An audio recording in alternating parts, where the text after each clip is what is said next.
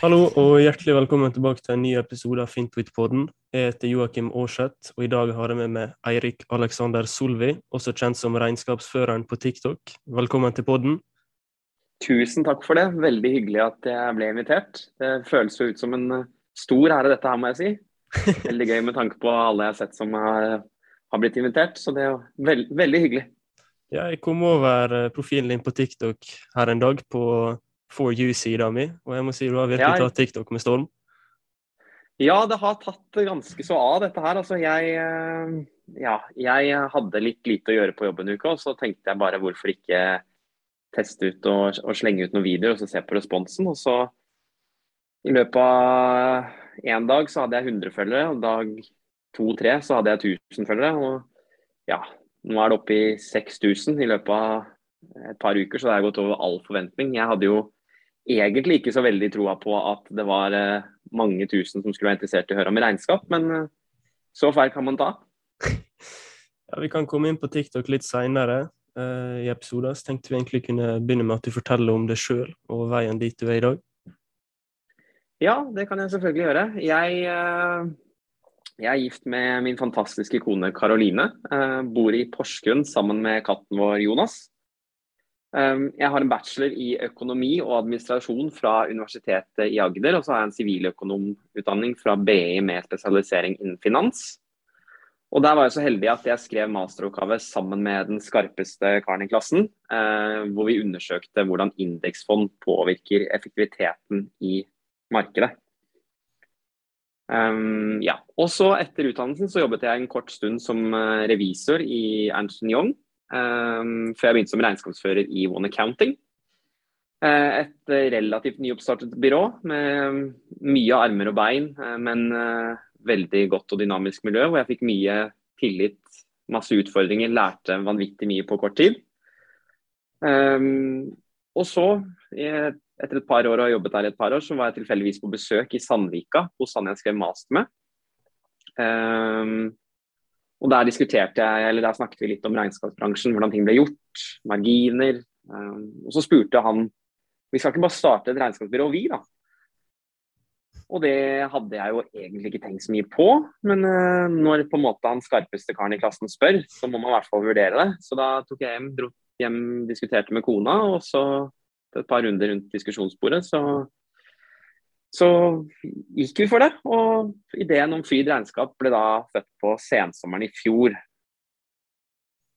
Skjønner. Hvordan, du er vel en autorisert regnskapsfører? Det, det er et godt spørsmål, og det er, jeg ikke, det er jeg faktisk ikke. Jeg jobber med den autorisasjonen nå. Sånn at jeg har jo da en, ja, en bachelor i, i økonomi, en master i finans. Men for å bli autorisert regnskapsfører, så må du ha en riktig fagkombinasjon i tillegg til, eh, i tillegg til erfaringen. Så jeg har, du kan si at jeg har erfaringen på plass, jeg har mesteparten av utdanningen på plass.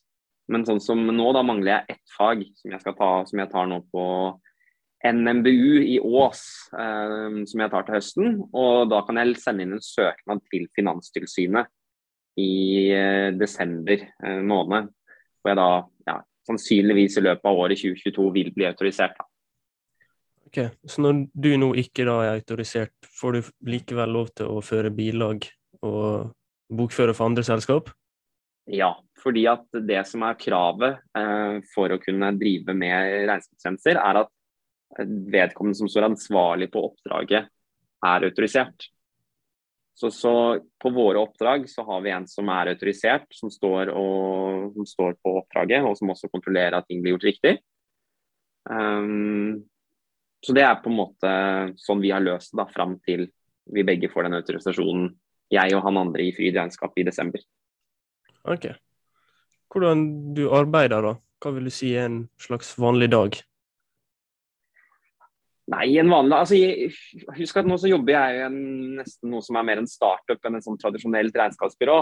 Uh, jeg kan jo si sånn tradisjonelt måten jeg har jobbet på når jeg har vært regnskapsfører i andre, eller i f.eks. One Accounting, da, hvor jeg- var tidligere, så var det, hadde jeg ansvar for en portefølje med 20-30 selskaper. Og Jeg fikk ansvar for alt på den kunden da, Ato. Da var det alt fra råd, bilagsføring, lønnskjøring, eh, rådgivning, kundekontakt.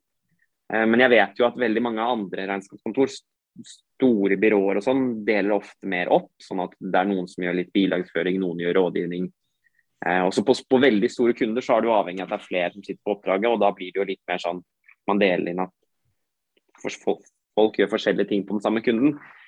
Men der jeg har vært, har det vært sånn at vi har hatt uh, fullstendig kundeansvar A til Å. Um, men sånn som dagen min er i, i fyr regnskap, så, så, jobber vi jo mye med å, å, å, inndrive kunder.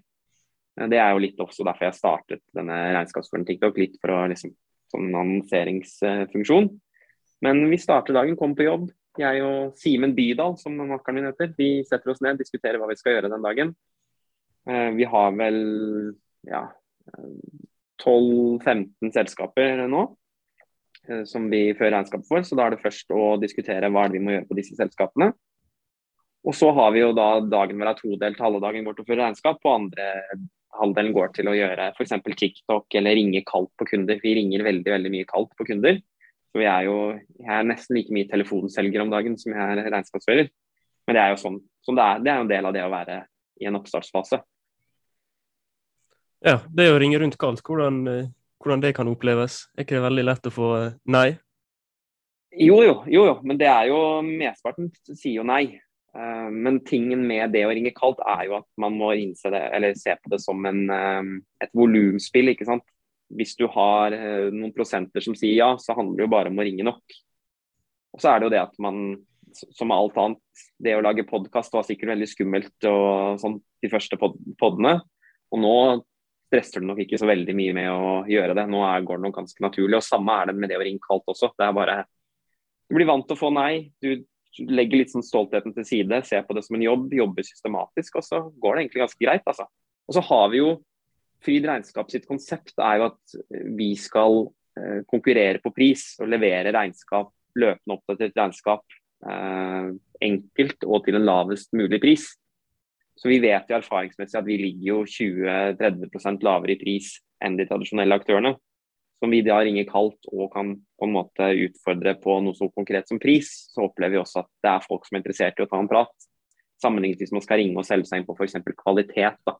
Det er veldig vanskelig å ringe kaldt og si at hei, vi er dritflinke til å føre regnskap, har du lyst til å bytte over, liksom. Ja, det forstår jeg. Men det er veldig gøy. Det å starte opp eh, på egen hånd er veldig gøy. Og Foreløpig så er vi ikke blitt så veldig rike, men, vi, men, men det er i hvert fall veldig gøy enn så lenge. Rik på erfaring, kanskje? ja, ja, det kan du jo trygt si. Så jeg har jo gjort veldig mye utover det føre regnskap. Regnskap er egentlig en liten del av det å starte opp. Skjønner. Utenom pris, hva som gjør at Fryd regnskap er en bedre aktør enn eller hva skal jeg si, at Fryd regnskap er en bedre aktør enn alle andre regnskapsbyråer der ute? For det er jo plenty of fish in the sea. Uff, ja, nei, eh, Det om vi er eh, bedre enn alle andre regnskapskontor der ute, det tror jeg nok eh, andre får svar på. Men, men vi vet i hvert fall hva vi skal være. Og det er at vi skal holde ting enkelt. Vi skal gjøre ting likt på alle kundene. Så vår businessmodell er at hos oss så gjør vi ting enkelt. Vi gjør ting likt på alle kunder. Vi bruker de samme systemene, vi har de samme rutinene. Og så er det litt sånn at kunden må tilpasse seg litt våre rutiner, sammenlignet med en tradisjonell byrå hvor altså fordi at Når vi jobber på fastpris, så er jo vi insentivert til å gjøre så mye som mulig på kortest mulig tid. Det er jo sånn vi tjener penger. Mens de tradisjonelle byråene, der jobber jo de aller fleste på timer. Så jo tregere de gjør ting, jo mer penger tjener de. ikke sant? Så så um, det er jo egentlig vår største styrke. Da, at, uh, at, hele organisasjonen blir annerledes med tanke på at vi jobber på fastpris. Da, da jobber vi hele tiden med å gjøre ting mer effektivt. Og det er jo nok uh, det er nok eh, vår største styrke, at vi gjør ting likt, og at vi klarer å konkurrere på pris veldig, på en veldig god måte. Ja, jeg har sett eh, på software som f.eks.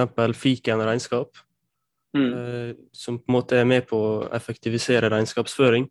Tror du mm. sånne type selskap vil være med på å fjerne regnskapsføreryrket? Altså at det blir automatisert 100% en gang i framtiden? 100% altså Sånn jeg ser på det i fremtiden, er at uh, regnskapsbransjen om fem-ti år så da vil det være todelt. Det ene vil være at det vil være apper eller software som tar hele regnskapsføringen for deg. Det er, det er den første delen. Det vil si at Små og mellomstore bedrifter de vil bare dunke bilagene inn i f.eks. noe à la fiken, og så vil systemet føre for deg.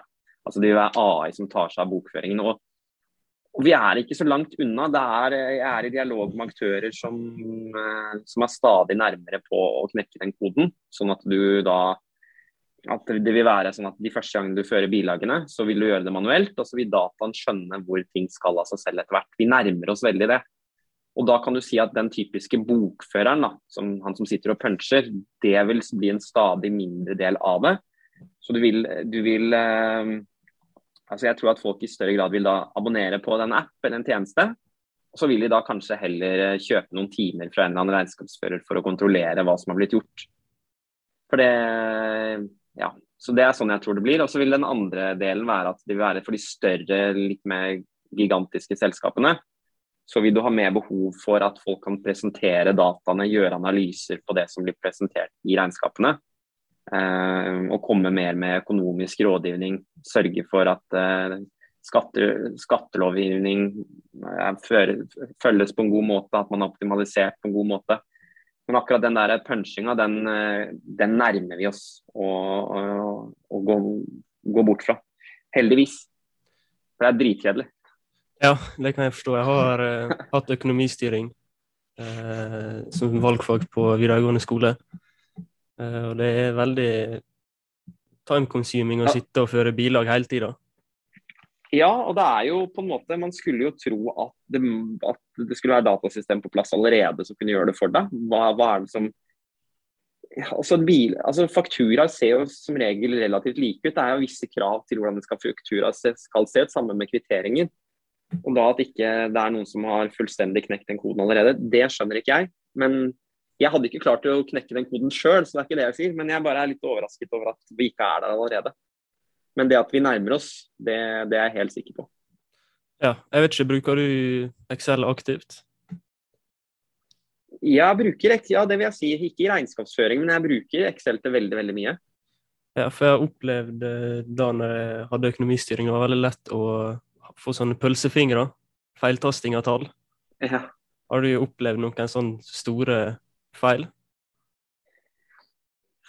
Jeg har vel klart å sende noen penger, kjøre noen lønninger til noen folk som ikke Altså til feil kontoer og sånn. Eh, kjøre ut en lønning på 60 000, og så ender den opp på kontoen til en gammel mann som, som, ikke er involvert i det hele tatt. Sånt kan jo skje. Eh, og jeg veit også om ei som eh, kjørte en lønning på eller det var, var det rundt 200 000, altså det var skrekkelig mye penger. Og hun klarte da, dette er mange år siden, men da klarte hun å betale den til feil konto. Eh, og hun tok jo kontakt med banken og prøvde å få stoppet dette her. Men det som var problemet var at vedkommende som hadde mottatt disse pengene, hadde jo klart å bruke dem opp. Fordi den som hadde mottatt pengene, trodde at dette var lottogevinst. Sa hun i hvert fall. Jeg vet ikke om man om hun virkelig trodde det, men hun hadde brukt opp eh, alle disse pengene. da. Hun, men, men, problemet er at det er jo ikke dine penger, selv om du mottar de feilaktig. Så hun må jo fremdeles en dag i dag betale avdrag på disse pengene hun brukte på da å kjøpe seg nytt kjøkken. Eller jeg, jeg husker ikke helt hva det var, men det var et eller annet sånt. ja, det er sjukt, da. Men, men systemene det, det, blir stadig mer støttehjul i systemene. Og det er, eh, det er stadig mindre som skal til for å ta regnskapet sitt selv. Og for alle som starter opp for seg selv, så jeg, hvis du har tid til over, så anbefaler jeg deg å prøve å ta regnskapet selv. Ta gjerne en kikk gjennom YouTube-videoer. Det, det, er så utrolig mye som er der ute. Er du, er du i tvil, så book noen timer med en regnskapsfører. Um, så kan han forklare deg hva du må gjøre, hva du må passe på.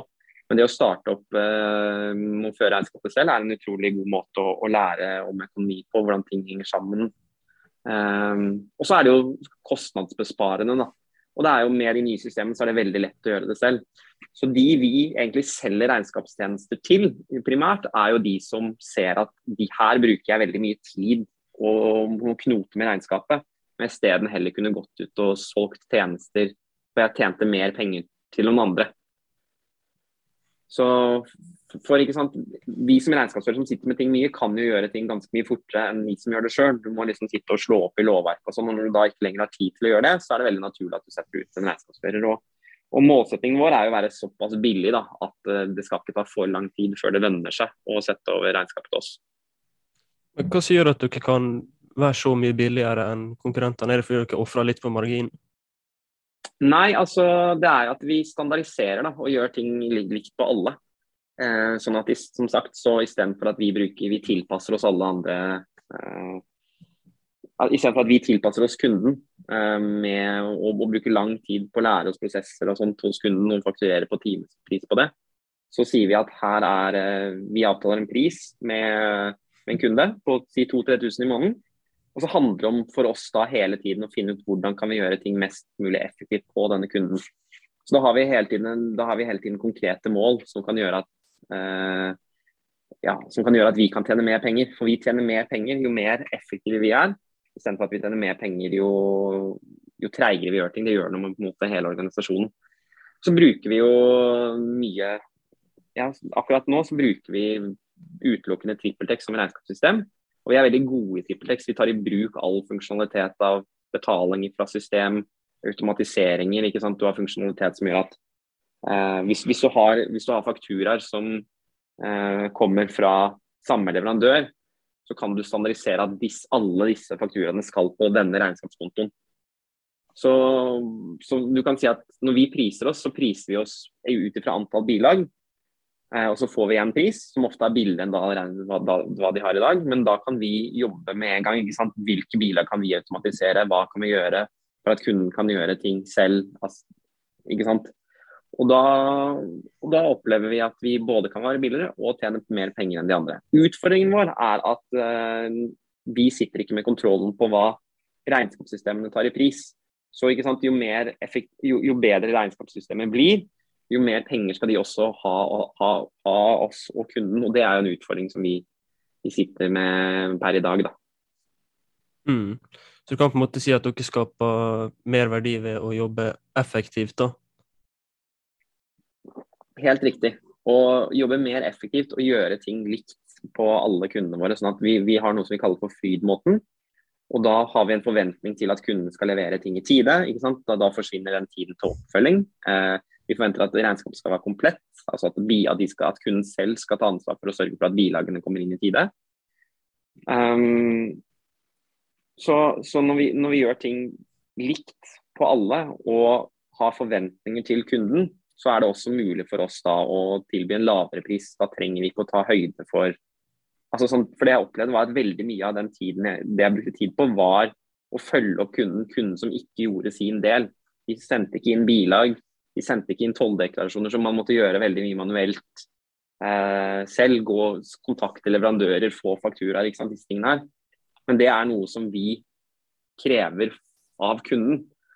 Og kundene våre opplever ikke det som noe problem, men da, har, da vet de på en måte hvilke forventninger vi har på dem. De vet at de får det 20-30% billigere, men vi har enkelte forventninger til dem tilbake. Og det er, det er en modell som foreløpig fungerer veldig bra. Mm. Uh, vi kan gå over litt på skatt.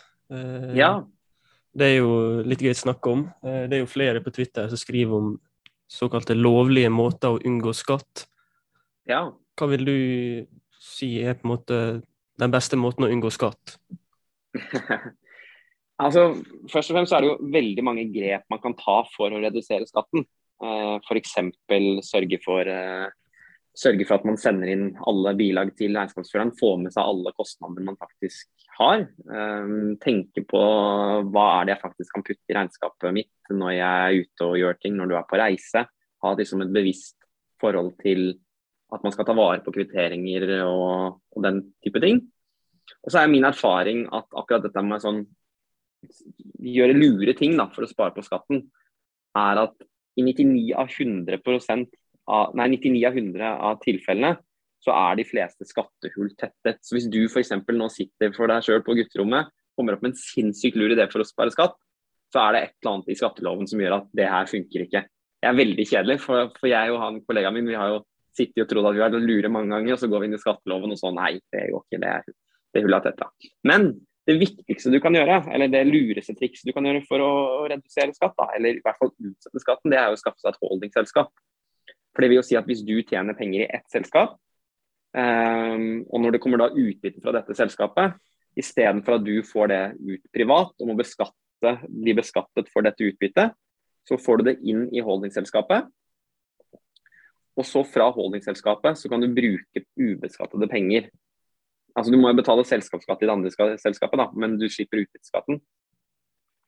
Og så kan du gå fra det, for da fakturerer du fra holding, holdings, da fakturerer du uh, f.eks. et driftsselskap fra holdingselskapet, og så har du penger da som du kan bruke til å ubeskatte penger som du kan bruke til å investere i andre ting i fremtiden. Istedenfor at du investerer med beskattede penger, da, kan du si.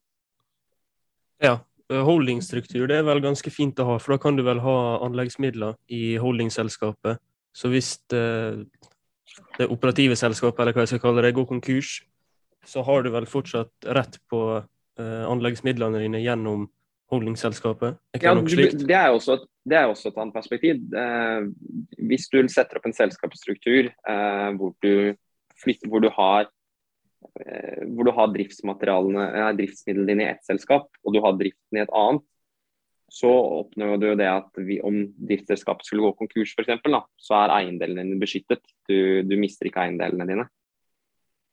Men det kan jo være lurt å selge unna litt da, for å uh, ikke gå konkurs?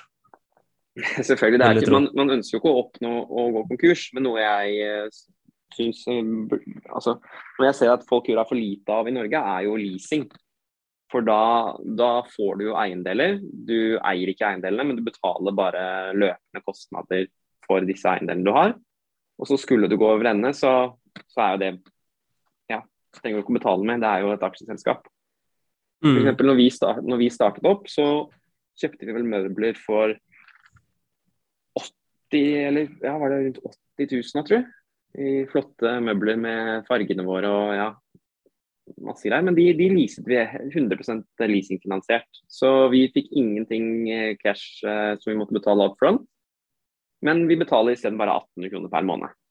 Og da har vi på en måte Vi har ikke spyttet inn noe, men vi har, vi har midler som vi betaler på Eller vi har eiendeler som vi betaler på etter hvert som vi tjener penger. Og skulle vi gå konk, så sitter jo ikke med noe av ansvaret for disse eiendelene. Og det er noe som jeg mener man det er et enkelt og lurt grep som gjør at man kan starte selskap med uten eh, Altså med, med, mindre cash up front. Da. Og jo mindre cash du må bruke up front, jo mer kan du putte inn i indeksfond f.eks. Mm. Tjene penger på andre måter. Skjønner. Men å lease eh, type kontorrekvisitter og sånt, eh, mm. hvordan eierstrukturen er der? Er det sånn at når du har eh, på en måte betalt hele møbelen, så eier du den? Sånn er det. Ofte så er det jo sånn at du, du må betale en sånn symbolsk leie etterpå.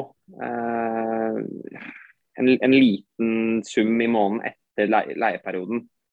Andre har vel sånn at du kan kjøpe eiendelen for en liten sum. Det, det, varierer veldig. Jeg er ikke helt sikker selv på hva vi har.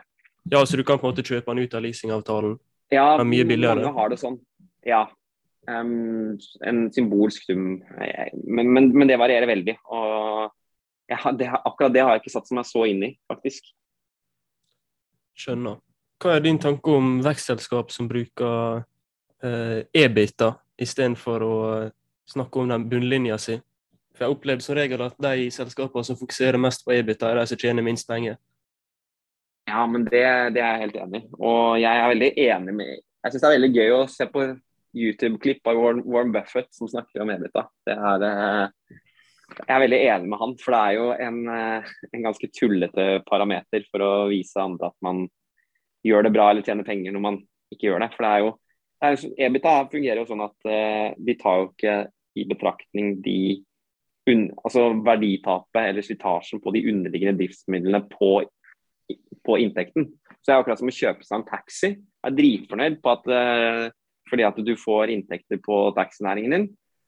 Men så tar du ikke i betraktning verditap og slitasje på bilene. Altså det, da er det jo et mål som ikke er verdt noen ting.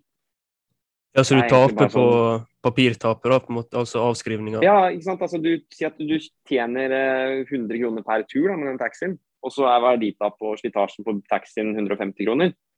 Da er på en måte ikke den inntekten på den taxien så veldig relevant. For det, det du egentlig sier, er bare sånn Jeg taper penger. Dette er jo ikke levedyktig.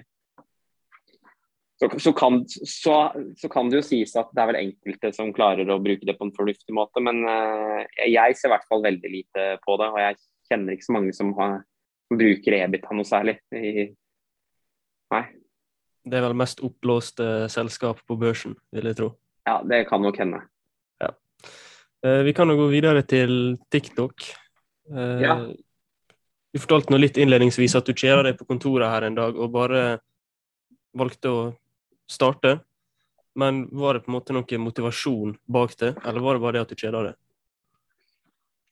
Jeg er jo PR-kåt, da. Kan jo være noe sånt. Ja. Eller Men uh, jeg Altså, først og fremst så er det jo det at jeg tror at TikTok Jeg ser jo at TikTok er en uh, veldig kul kanal, fordi at det er et ungt publikum. Og det er en kanal som gjør at hvis du på en måte har altså Du kan veldig fort få traction. På YouTube eksempel, så er det sånn at du må få følgere, du må annonsere. ikke sant? Det er veldig mange ting, det tar lang tid før du kan få traction på YouTube. Mens på TikTok, hvis uh, de kinesiske algoritmene liker deg, så er det jo plutselig alles for you-page. Da får du plutselig veldig, veldig stor uh, reach uten å egentlig ha noe særlig å vise det fra før. Jeg hadde jo videoer som fikk uh, 50 000 views når jeg hadde 1000 følgere. altså Det var helt sinnssykt. Så det er veldig motiverende at hvis contentet ditt er populært, da, hvis uh, kineserne de kinesiske algoritmene ser at contentet ditt er populært, så, så får du veldig mange avspillinger. Så du kan fort nå veldig mange. Uh, og så har jeg jo på en måte, Vi har jo gjort systematiske grep. da, Vi har jo skrevet, vi prøver å poste innlegg på Instagram, nei i hvert fall nei, Facebook. Vi prøver å skrive blogginnlegg. Vi prøver å gjøre litt sånn tradisjonelle ting. Så tenkte jeg, hva, hva kan jeg gjøre i tillegg? Er det noen måte jeg kan på en måte nå enda flere uten at det koster oss noe? Og da var jo TikTok eh, en naturlig ting å prøve, da. Ja, det er jo god markedsføring.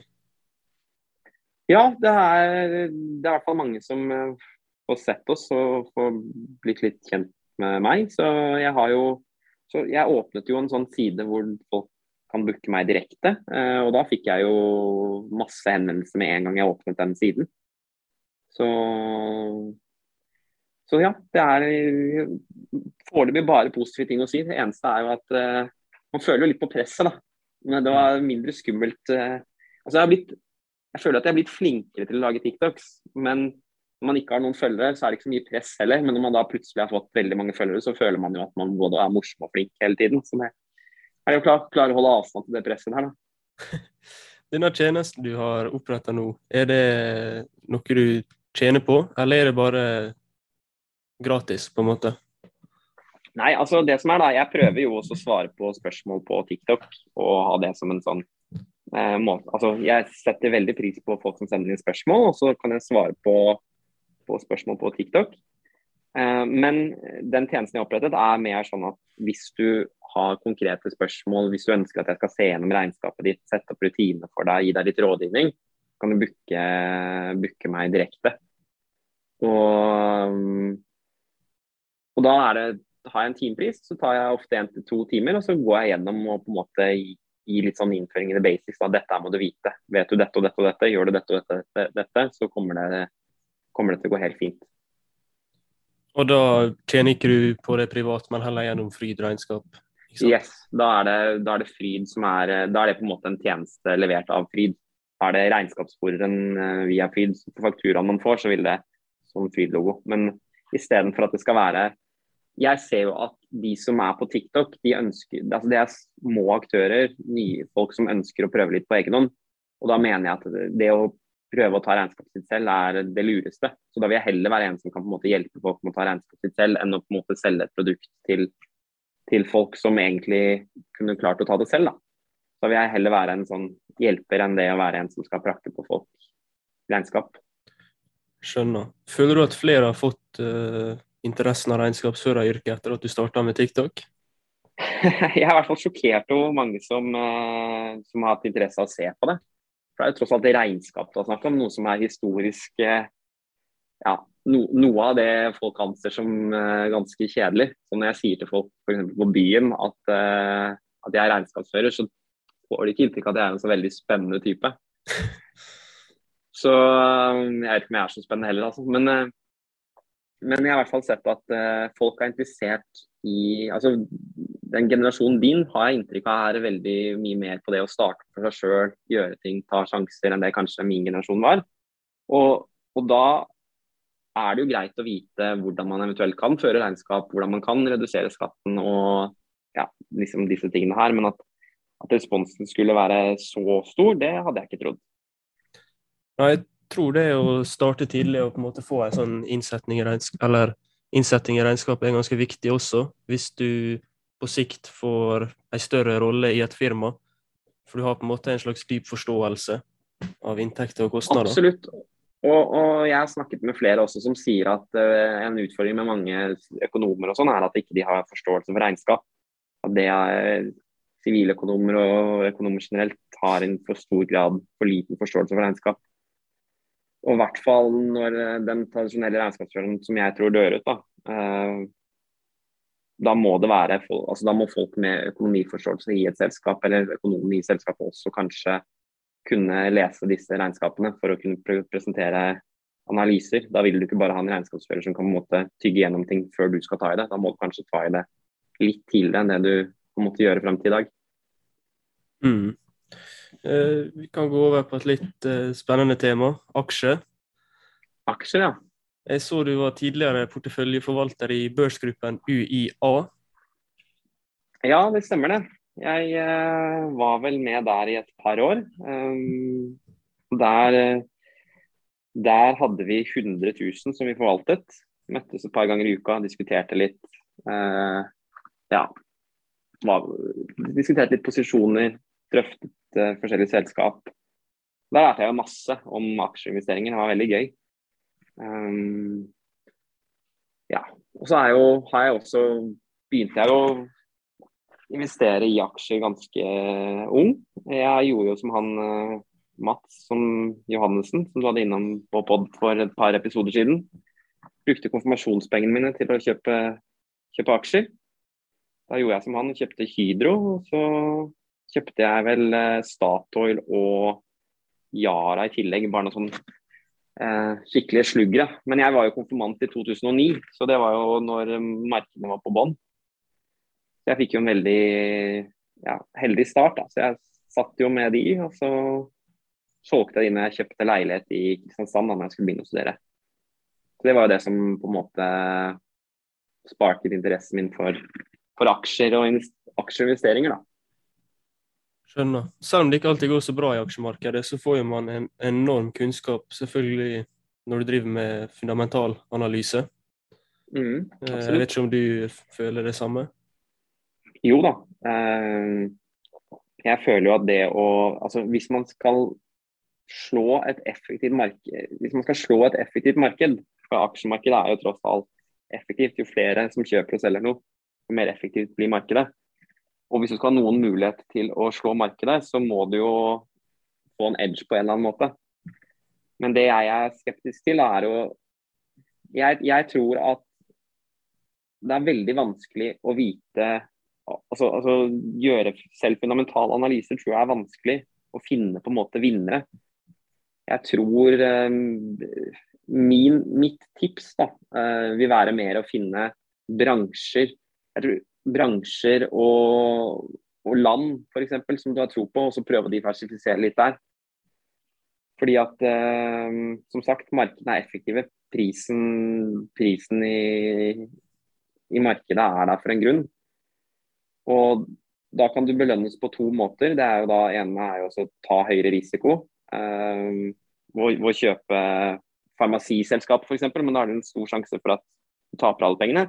Eller så er det jo det å kaste seg på, på en måte bølger av trender som du har tro på. da, F.eks. si at hvis du har tro på tech i årene som kommer, så prøver du å prøver du også å kaste deg på tech-bølgen og kjøpe deg opp på en del tech-selskap. Hvis du tror på ja, du tror at det skal bli masse krig fremover, så kjører, kjøper du noen forsvarsselskap. Men, men det å akkurat plukke vinnere, det er det, det, jo, jo, mer jeg har lært om aksjer, jo, jo vanskeligere skjønner jeg at det er, rett og slett. Ja, Driver du med aksjer i dag? Jeg sitter med én posisjon i et startup som heter Alter en bil. Som eh, nå har slått oss sammen ja, De driver med bilvaskabonnement. Der kjøpte jeg meg vel inn eh, satt, tok en posisjon der for et par år siden. og så Etter det så har de vel blitt kjøpt opp og slått seg sammen med to-tre andre aktører. Nå har de 40 vaskehaller i hele Norge. Så der har jeg jo ja, Etter siste emisjonskurs så har jeg vel fått en fire-femdobling i verdien på den opprinnelige investeringen. Men det kan du jo si er en eh, Ja, altså der kjøpte jeg jo en ting som jeg trodde på. Og der kjøpte jeg også da han gründeren som, som er veldig flink, han heter Jan Steinar eh, Falk. Han er veldig, veldig skarp og driftig type, så det vel like mye det å kjøpe kjøpte jeg liksom troen på både konseptet hans og, og, og han som gründer. Da. Det var ingenting egentlig sånn underliggende med det selskapet jeg, som var på en måte bunnsolid. Og Det tror jeg litt også er måten å tjene penger Hvis du skal slå aksjemarkedet, da. Hvis du skal bruke indeksen som på en måte et parameter om du slår aksjemarkedet eller ikke, så, så, tror jeg hvis du skal slå aksjemarkedet, så handler det om å finne, komme, inn tidlig. Markedene er mindre effektive der. så du kan hvis du kommer inn på noen ting tidlig, så tror jeg det er større sjanse for å treffe gull enn hvis du på en måte kjøper store, tunge, tradisjonelle selskap og diversifiserer på den måten. Jeg tror at eh, de som kommer til å bli like på aksjer de neste 20 årene, er tidlig inne i masse forskjellige startups. Så vil det være da f.eks. Si at du er tidlig inne i, i 20 startups, da. Det er to som lykkes. Men da er multiplen så stor at du, du tjener inn det du tapte på, på alle de andre. Sånn som når jeg kjøpte meg inn i Alter en deal, så var det verdsatt til 12-15 millioner, og nå er det verdsatt til rundt 200. Så det er jo på en måte Ja, og det er ikke noe som ser ut som det skal stoppe med det første. Denne episoden er sponset av Børsdata, et av Nordens største og desidert beste analyseverktøy. Bruk koden FINTWITPODEN for gratis premium i to måneder. Hvordan du på en måte fikk sjansen til å investere i alt i ren bil så tidlig? Jeg var regnskapsføreren deres. Så så de hadde en emisjon, for de trengte penger. Det er jo veldig kapitalintensivt å sette opp vaskehaller. Det vil jo være sånn at uh, Før du når et nok volum, så vil du blø ganske mye cash ganske lenge. Da hadde de en emisjon. Og jeg fikk vite om den emisjonen og spurte om jeg kunne få lov til å investere. Det fikk jeg lov til. Og sånn var vel egentlig det det begynte. Så har jeg vært med på to investeringsrunder etterpå. Og så skal det jo sies at eh, sånne muligheter ja. Hvis du først får en sånn mulighet, så tror jeg at uavhengig av altså, Jeg tror det er en god sjanse du bør ta et lodd på nesten uansett hva som dukker opp. fordi at hvis du har 20 startups, da, for eksempel, så trenger du bare at én eh, av de lykkes. Hvis du har en portefølje med 20 startups og du kommer inn tidlig nok, så trenger du bare at én lykkes for at du skal måtte gå i pluss. Det, men det som er med startups, er at det er jo ikke så lett å få finne dem. Det er ikke så lett å få de investeringsmulighetene. Så det som jeg opplevde at etter jeg investerte i Alter en bil, så opplever jeg at det vil være lettere for meg å komme inn i en ny startup igjen i fremtiden. For det er ofte de samme folkene. Det er et miljø. De vet at jeg, folk vet at jeg har investert tidligere. Så da, kom, da blir investeringsmuligheter mer presentert for meg, da. Så du kan på en måte si nettverket er med på å forme din investeringsstrategi? Det vil jeg jo absolutt si. Og jeg vil si at eh, nå har jo jeg alle pengene mine spyttet inn i Fryd. Så pluss litt i Alter en bil. Men skulle jeg hatt veldig mye penger tilgjengelig eh, om Fryd skulle lykkes, da, så ville jeg nok eh, hatt en todelt strategi. Det ene ville vært å ha ting i indeks, indeksfond, og så bare hatt, eh, hatt, løpende puttet inn penger der. Og så ville jeg jo tatt mange posisjoner i sånne små startups. da. Kanskje kjørt, en, kanskje kjørt eh, ja, 30% i, i bank, bare for å ha noe hvis eh, bank eller gull eller et eller annet. Bare sånn hvis verden skulle gå over ende. At jeg har noe penger igjen. Og så kanskje ja, kjøre 50-50, altså da, 30% i bank, kanskje da 40% i indeks, og så si 30% i startups. da. Og så prøve å finne selskaper jeg kan komme inn tidlig på. Skjønner. Jeg har forresten sånn sett Ja, fortsett. Jeg har forresten sett noen eh, firma som har eh, likvide midler, altså cash, i bitcoin. Mm. Eh, og da som regel en stor andel av eh, kontantene sine. Hva du tenker om det? Mm. Jeg tenker jo at det er eh, veldig risikabelt. Og jeg tenker at hvis et selskap skal drive med si f.eks. La oss ha taxi, taxi hen, da. Det var det vi snakket om. Ja, det er et taxiselskap så vil du investere i det taxiselskapet fordi du har tro på taxi. Du har tro på taxinæringen. Vil ikke, Hvis jeg skal investere i et taxiselskap, så vil jeg være trygg på at det er taxi. Det er det de spesialiserer seg i. Så vil jeg heller da, Hvis jeg har lyst til å eksponere meg mot bitcoin, så tar jeg heller en mindre posisjon i dette taxiselskapet og putter inn i bitcoin sjøl. Men hvis du, selskapet begynner å putte sine midler, likvide midler inn i bitcoin, så blir det jo da plutselig et taxiselskap og et bitcoin-selskap. Det blir jo for meg i hvert fall Ja, det blir rote. Betale ut som eh, dividende, eh, utbytte til aksjonærene. Og så kan aksjonærene heller få lov til å ta opp sine egne posisjoner. Ser, man ser også at de selskapene som betaler ut mye utbytte fremfor å spekulere og tulle og herje, eh, gjør det bedre enn de selskapene som gjør det. Ja, man har jo også noen selskap som deler ut utbytte bare for å bare for å gjøre det, rett og slett. Jeg har sett eh, mm. eh, Jeg tror det var Telenor som eh, bruker gjeld til å finansiere utbytte. Mm. Det er jo ganske sjukt. Det er ikke akkurat sustainable. Ja, det spørs, da. Altså, hvis du har Hvis bankene er med på det, og du har et stort, trygt selskap og en stabil cashflow, så vil jo økt gjeld bidra til å redusere skatten fordi at du får jo da fradrag på rentekostnadene. Og så vil du da kunne betale ut penger til aksjonæren da, i form av utbytte. Så vi på en måte ja, vi, vi, vi, så eksempler på, på, det på studiet, hvor det var selskaper som hadde finansiert utbytte med gjeld, hvor, hvor, den effektive aksjekursen økte etter de gjorde det, sånn relativt sett. Mm. At, de, at, at verdiene Altså det ble skapt verdi Du kunne se at det ble skapt verdi i det de eh, lånte opp og betalte ut som utbytte. Ja. Men, det er, men det er, det er, hvorfor, hvorfor, det er sånn, det er komplisert. Og det er såpass lenge siden at jeg satt i den forelesninga at jeg, jeg tør ikke å gå for dypere i dybden på hvorfor det er lurt. Men for selskap som har en lav egenkapitalavkastning, kunne det vært lurt å da bruke likvide midler og plassere det i et indeksfond, f.eks.? gitt at du er risikovillig?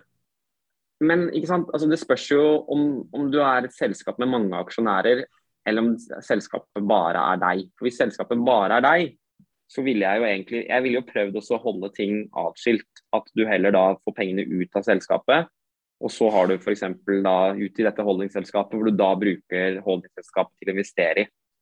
For da får du på en måte ja, da får du beskyttet midlene dine. Og, og hvis du har et selskap med mange aksjonærer, så vil du i så stor grad som det er mulig enten gjøre investeringer som sørger for at det du driver med, eh, altså at du tjener mer penger på det selskapet skal drive med.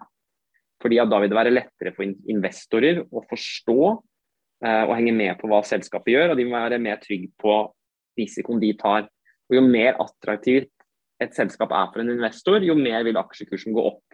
Så risikoen du løper ved å begynne å kalle det herje da, og, og, gjøre sånne vurderinger og plassere ting i indeksfond, er jo at investorene vil stadig mindre vite hva er det de er eksponert for når de går inn i dette selskapet. Da, ikke sant? Plutselig så er de eksponert mot bitcoin, og plutselig så er de eksponert for indeksfond. Det, jeg mener at det er bedre å holde selskapet til selskapsvirksomhet. Så, så fri regnskap kommer ikke til å altså, sannsynligvis ikke til å gjøre forskjellige investeringer. Fordi regnskap skal tjene så mye penger som mulig, generere så mye utbytte som mulig. Og så vil da aksjonærene kunne gjøre sine vurderinger med, med dette utbyttet. Da. Kan, så kan heller de putte ting inn i indeksfond og bitcoin, for å si det på den måten. Ja, jeg tenker vi egentlig kan runde det av der. Eh, lærte ganske mye, faktisk, vil jeg si.